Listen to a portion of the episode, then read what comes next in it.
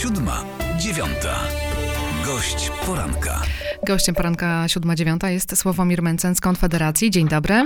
Dzień dobry Pani, dzień dobry Państwu. Jak się Panu podoba plan na najbliższe tygodnie przedstawiony przez premiera Mateusza Morawieckiego i ministra zdrowia Adama Niedzielskiego? W ogóle mi się ten plan nie podoba. Nic? Bardzo. No nie widzę tutaj e, wielu pozytywów. Chciałbym, żeby e, moje dzieci mogły chodzić e, normalnie do szkoły. Chciałbym, żebym mógł normalnie zacząć pracować, poruszać się po Polsce. Nie chciałbym mieć w perspektywie wizyty panów z policji na Wigilię, ponieważ odwiedzi mnie rodzina. Absolutnie mi się to nie podoba. Również nie widzę żadnego sensu na przykład w otwieraniu wyciągów narciarskich, a zamykaniu hoteli czy też restauracji. Dla mnie to jest jedno wielkie nieporozumienie. No to rozbijmy trochę może ten plan. Ferie dla wszystkich w jednym terminie. To nie ma sensu? To znaczy. Jeśli to zakładamy, zależy. że dzieci mają siedzieć w domach w ferie. Jeżeli zakładamy, że dzieci mają siedzieć w domach, jeżeli w tym roku ma nie być żadnych ferii, no to oczywiście, że lepiej, żeby te ferie były w czasie, kiedy i tak nie byłoby prawdziwej nauki, bo ta nauka zdalna żadną prawdziwą nauką nie jest. Jeżeli jednak byłaby możliwość, a uważam, że powinna być, żeby dzieci mogły sobie wyjechać gdzieś poza dom i spędzić chociaż trochę czasu poza domem, no to to nie powinno tak wyglądać, bo doszłoby do wielkiego stłoczenia tych wszystkich ludzi. Ja nie mam pewności, czy my rzeczywiście w lutym będziemy w takiej sytuacji, że cały czas będziemy musieli wszyscy siedzieć w domach i nie będziemy mogli z niej wychodzić, więc być może, być może jest to zła decyzja. Przy założeniu oczywiście, że ma nie być normalnych ferii. No właśnie, mówi pan, że ta nauka zdalna to nie jest normalna nauka, a jednocześnie krytykuje pan to, że w takich czasach egzaminy czy matura powinny, że będą tu jakieś obniżone wymagania. Jak można Znaczy, ja wymagać tego samego, jak te lekcje wyglądają inaczej w ogóle? Doprecyzuję, ponieważ nawiązuje Pani do mojego wczorajszego Tak, e, tweeta. tweeta. E, Po prostu chodzi mi o to, że państwo polskie zamiast e, podnieść standard edukacji, obniża wymagania, to znaczy godzi się z sytuacją, do której doprowadziło. Zresztą ten poziom polskiej edukacji niestety maleje już od wielu lat, to nie jest zupełnie nowa sprawa. No, ciężko mi sobie wyobrazić, w jaki sposób w ramach nauki zdalnej siedmiolatek ma się na przykład nauczyć pisać. No, przez laptopa nie da się nauczyć pisać, chociażby nauczyciel w szkole nie wiem jak się starał. Bardzo często rodzice nie mają czasu, żeby siedzieć z dzieckiem i ćwiczyć tą jego rękę. W związku z czym to jest tylko przykład dla siedmiolatka, ponieważ obserwuję ośmioletnie dziecko w domu i widzę, jak ono znosi e, tą zdalną edukację. Być może gimnazjalistom, maturzystom jest troszkę łatwiej, aczkolwiek uważam, że nic nie zastąpi bezpośredniego kontaktu z nauczycielem e, i normalnej nauki, ale ewidentnie e, widać będzie, że wprowadzenie nauki zdalnej na tyle miesięcy w ciągu roku będzie miało długotrwałe negatywne konsekwencje dla rozwoju naszych dzieci i niestety jest to kolejna negatywna, długoterminowa konsekwencja obecnej polityki. I dlatego też minister edukacji mówi o tym, że te dzieci, szczególnie najmłodsze maturzyści, ósmoklasiści mają jak najszybciej wracać do, e, do szkół. Czyli pan by zostawił po prostu otwarte szkoły? E, Tak, uważam, że jeżeli ktoś tam ma kilka, kilkanaście lat, to powinien się uczyć zamiast e, siedzieć w domu i patrzeć cały dzień w komputer. Już od dawna mieliśmy przecież problem, że dzieci zbyt dużo czasu spędzały e, przed komputerem, ma to negatywną, negatywny wpływ na ich zdolność do koncentracji, zdolność do zapamiętywania, na ich postawę, ponieważ cały dzień siedzą zgarbione przed komputerem, nie spędzają czasu z rówieśnikami, nie wychodzą na dwór. I w sytuacji, kiedy mamy takie problemy z dziećmi, nagle się je przykuwa na wiele godzin dziennie dodatkowo do laptopa, uniemożliwia im się nawiązywanie normalnych relacji społecznych, bo przecież jeżeli dzieci patrzą się w tego e, Zooma, czy też w inny program do e, nauki zdalnej, widzą tylko takie swoje malutkie e, twarze na tym laptopie, to w ten sposób się nie da poznać kolegów, nie da się z nimi zaprzyjaźnić, nie da się spędzić czasu, tak jak od zawsze dzieci spędzały ten swój czas i nawiązywały swoje pierwsze relacje, czy też pierwsze przyjaźnie i te nasze dzieci będą miały utrudniony start w normalne życie, będą miały utrudnioną możliwość nawiązywania normalnych relacji. Jestem przekonany, że to będzie miało długoterminowe, bardzo negatywne e, konsekwencje dla rozwoju. Już na takie emocjonalne tony pan wchodzi, że te małe okienka, no chociaż rzeczywiście tak, e, e, tak to jest. Tylko co, co można zrobić? Uważa pan, że wszystko powinno być otwarte? To co z ludźmi, którzy jak pański kolega z Konfederacji będą potrzebowali po prostu miejsca w szpitalu? No widzi Pani, ja od wiosny powtarzam to samo. To znaczy od wiosny mówię, że koronawirus sam z siebie nie zniknie, że nie da się wygrać z koronawirusem, chowając się przed nim, czy chodząc na ulicach i próbując go złapać i wybić. No to jest normalna choroba wirusowa, tak jak każde inne. Śmiertelność ma zresztą już nawet według danych WHO na poziomie grypy. I jedyny problem z koronawirusem, zresztą dzisiaj czytałem wywiad w, do rzeczy z prezydentem chyba Towarzystwa Epidemiologów, jest taki, że dochodzi do transmisji tego wirusa bardzo szybko, on się szybko rozprzestrzenia i w związku z czym rośnie zapotrzebowanie na liczbę miejsc e, w szpitalach. Wirus sam z siebie nie jest groźny. Groźne jest to, że system ochrony zdrowia jest do niego niedostosowany swoją pojemnością. Więc od wiosny powtarzam, że to, na czym się powinno skupić państwo, to dostosować pojemność systemu ochrony zdrowia do zwiększonej liczby zachorowań. To znaczy politycy i urzędnicy powinni przestać ustawiać nam nasze życie, powinni przestać mówić, że to my musimy ponosić konsekwencje i ciężar e, tej choroby, powinni po prostu wziąć się za siebie i wreszcie dostosować system ochrony zdrowia do, nowej, do, do nowego, większego Ale sam pan wie, że chociażby liczba respiratorów no, nie jest z gumy. E, ich jest określona e, liczba i jeśli zostanie, jeśli więcej pacjentów będzie potrzebowało niż ich jest, no to jest wiadomo, co się wydarzy wtedy.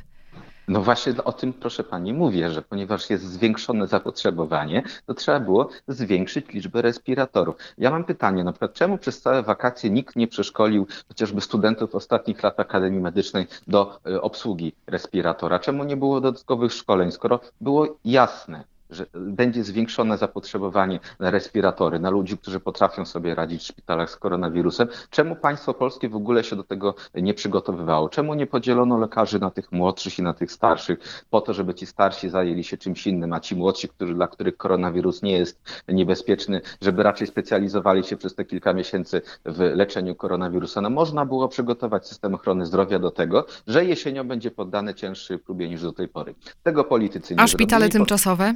To dobre rozwiązanie, czy nie? Bo to, jak Oczywiście. rozumiem, też ma zwiększyć liczbę tych miejsc dla Oczywiście, że jest to dobre rozwiązanie. Zresztą od wiosny o tym mówię, że powinny takie punkty powstać. Ja nie rozumiem obecnej opozycji. Mówię tutaj o Platformie, która najpierw całymi miesiącami mówiła, że potrzebne są szpitale tymczasowe, a gdy już ten szpital powstał, to narzekają, że jest pusty. E, no to jest śmieszne. Należy się cieszyć, że jest pusty. Widocznie nie ma na niego zapotrzebowania. Ale tak, to jest jedna z rzeczy, które należało zrobić. I znowu, nie należało tego robić w październiku, kiedy już było za późno i w rezultacie szpital szpital jest e, w, takich, e, w takim stanie, że przyjmuje się tam tylko osoby, które tak naprawdę szpitala już nie potrzebują, bo spełniają kryteria wypisu z innych szpitali. Można było się za to wziąć wcześniej, tak żeby tam również mogły trafiać osoby, które chorobę znoszą ciężej.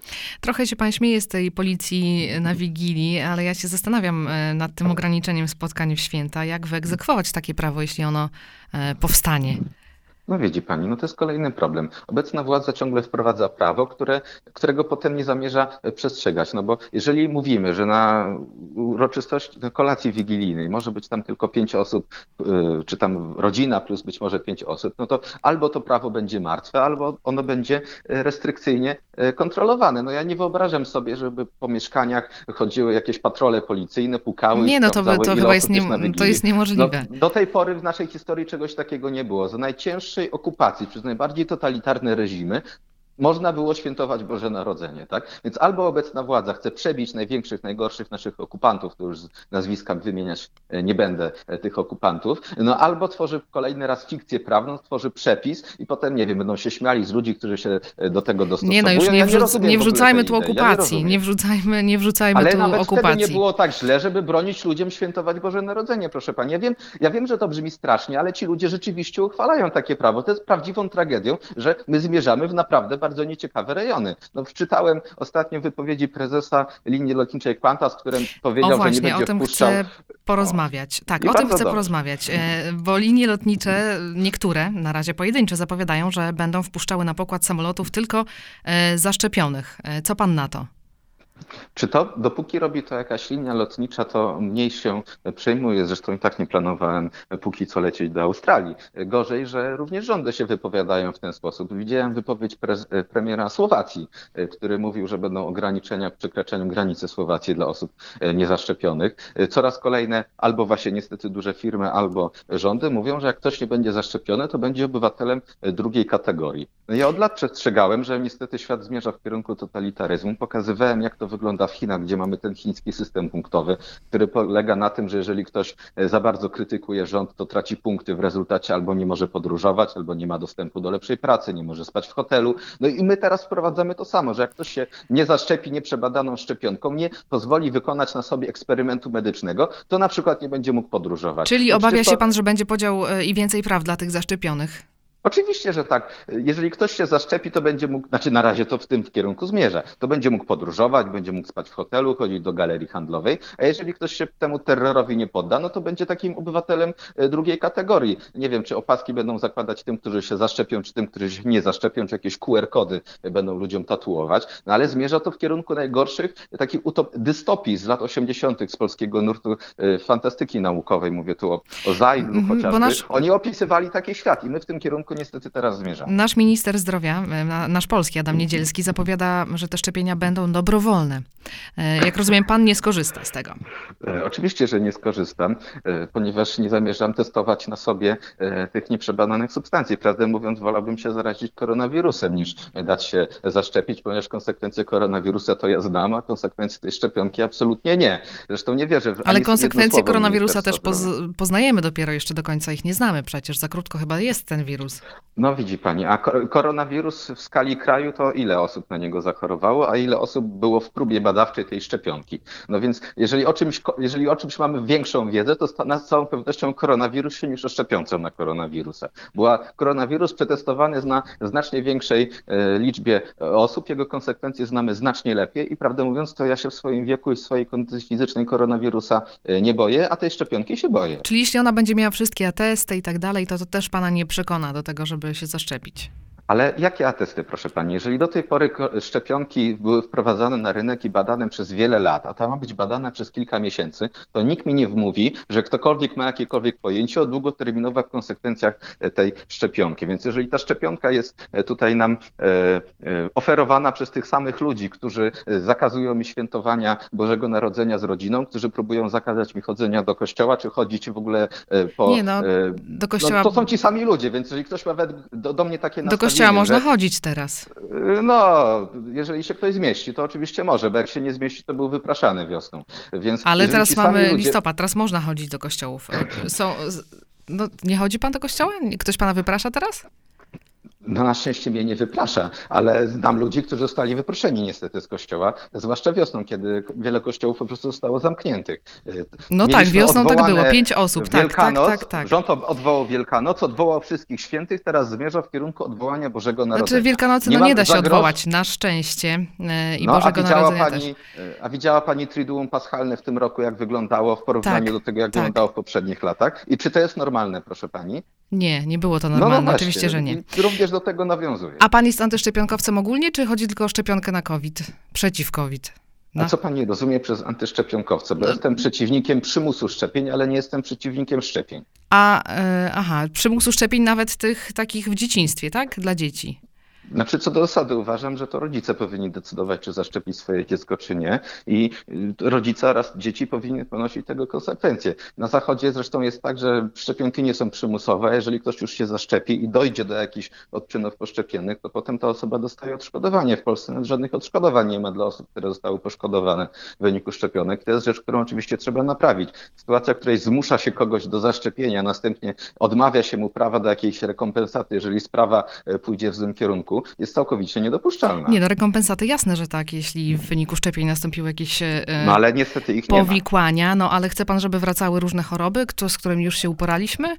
Nie, proszę pani, jestem przekonany, że jakieś 90% ludzi, albo nawet i więcej, dobrowolnie chce się szczepić. To nie jest tak, że ludzie nie chcą się szczepić. Niestety przymus szczepień sprawia, że wiele osób zaczyna się ich bać bardziej niż powinno, ponieważ ryzyko powikłania po takiej dobrze zbadanej szczepionce, która funkcjonuje na rynku od lat, jest naprawdę znikome. Równie znikome albo niewiele mniej znikome niż ryzyko zachorowania na taką chorobę, której już prawie nie ma. Mamy wyszczepialność grubo powyżej 90% na większość chorób. Jest to to poziom całkowicie bezpieczny, pozwalający y, na zaistnienie odporności zbiorowej. Za to wprowadzenie przymusu szczepień sprawia, że wiele osób zaczyna do nich podchodzić nieufnie i to, co ludzie nazywają ruchem antyszczepionkowym, wzięło się właśnie stąd, że te szczepionki są przymusowe. Gdyby nie były przymusowe, zdecydowana większość ludzi i tak by się zaszczepiła y, i nie byłoby żadnego Ale i tak problemu. nieufność pewnie by była, bo nie wiem, czy Ale znacznie mniejsza. Y, Oczywiście, że przymus ma to związek. Mamy, mamy minutę, więc chciałabym jeszcze jedną sprawę pana zapytać. Czy wspiera pan polskie weto do budżetu unijnego? W minutę pani tego nie wytłumaczę. To znaczy, od, problem jest taki, że w lipcu Mateusz Morawiecki zgodził się na powiązanie praworządności z wypłatą funduszy europejskich, a teraz udaje, że tego nie zrobił. My już w lipcu razem zresztą z Solidarną Polską protestowaliśmy przeciwko podpisaniu przez Mateusza Morawieckiego tej umowy i teraz po prostu są tego konsekwencje. Weto dla budżetu europejskiego jest w zupełnie innej procedurze i to jest tak naprawdę niezwiązane z powiązaniem pra z praworządnością, bo to i tak wchodzi od stycznia, niezależnie od tego, czy budżet będzie przyjęty, czy też nie przyjęty. Więc no, Problem się pojawił w lipcu, teraz Mateusz Morawiecki próbuje się panicznie ratować z sytuacji, do której sam doprowadził. Wymienił pan Konfederację w jednej linii z Solidarną Polską. Jakaś koalicja się szykuje, czy nie? No nie, chciałem, nie chciałem, żeby tak to zabrzmiało. Chciałem po prostu być uczciwy i oddać, że nie tylko Konfederacja w lipcu protestowała, ale Zbigniew Ziobro i jego Solidarna Polska. A wyobraża pan sobie taką koalicję? Konfederacja Solidarna Polska? Ja mam wielką wyobraźnię, ale nie wiem, czy taka koalicja by się w niej zmieściła. Sławomir Mencen z Konfederacji był gościem poranka. Dziękuję bardzo. Również pani dziękuję. Pozdrawiam. Siódma, dziewiąta. Gość poranka.